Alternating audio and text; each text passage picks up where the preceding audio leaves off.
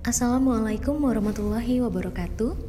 Kembali dengan saya Yuniarti, peserta Lasar CPNS dari Badan Nasional Pencarian dan Pertolongan Angkatan 7 Kelompok 1. Hari ini saya akan menceritakan pengalaman asinkronus saya tepatnya karena hari ini adalah hari kedua di tanggal 5 Agustus 2021.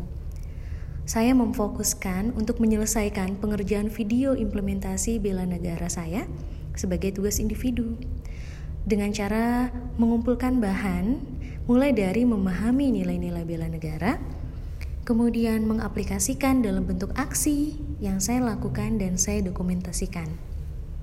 Sampai akhirnya bisa menjadi sebuah video yang mudah-mudahan menarik.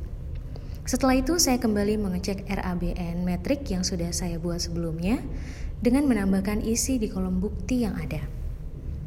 Berlanjut seterusnya, saya beserta kelompok mengadakan Zoom Meet untuk membahas tugas kelompok sebelumnya, mengetahui update perkembangannya. Dan kami pun membahas untuk tugas selanjutnya yang belum kami kerjakan, yaitu terkait isu global yang memang saat ini marak terjadi. Isu global yang ingin kami angkat mengambil dari pendapat masing-masing peserta lasar kelompok 1. Ada yang berpendapat membahas isu radikalisme, pandemi COVID-19, rasisme, proxy war, ada juga yang terkait terorisme dan kelompok bersenjata Papua.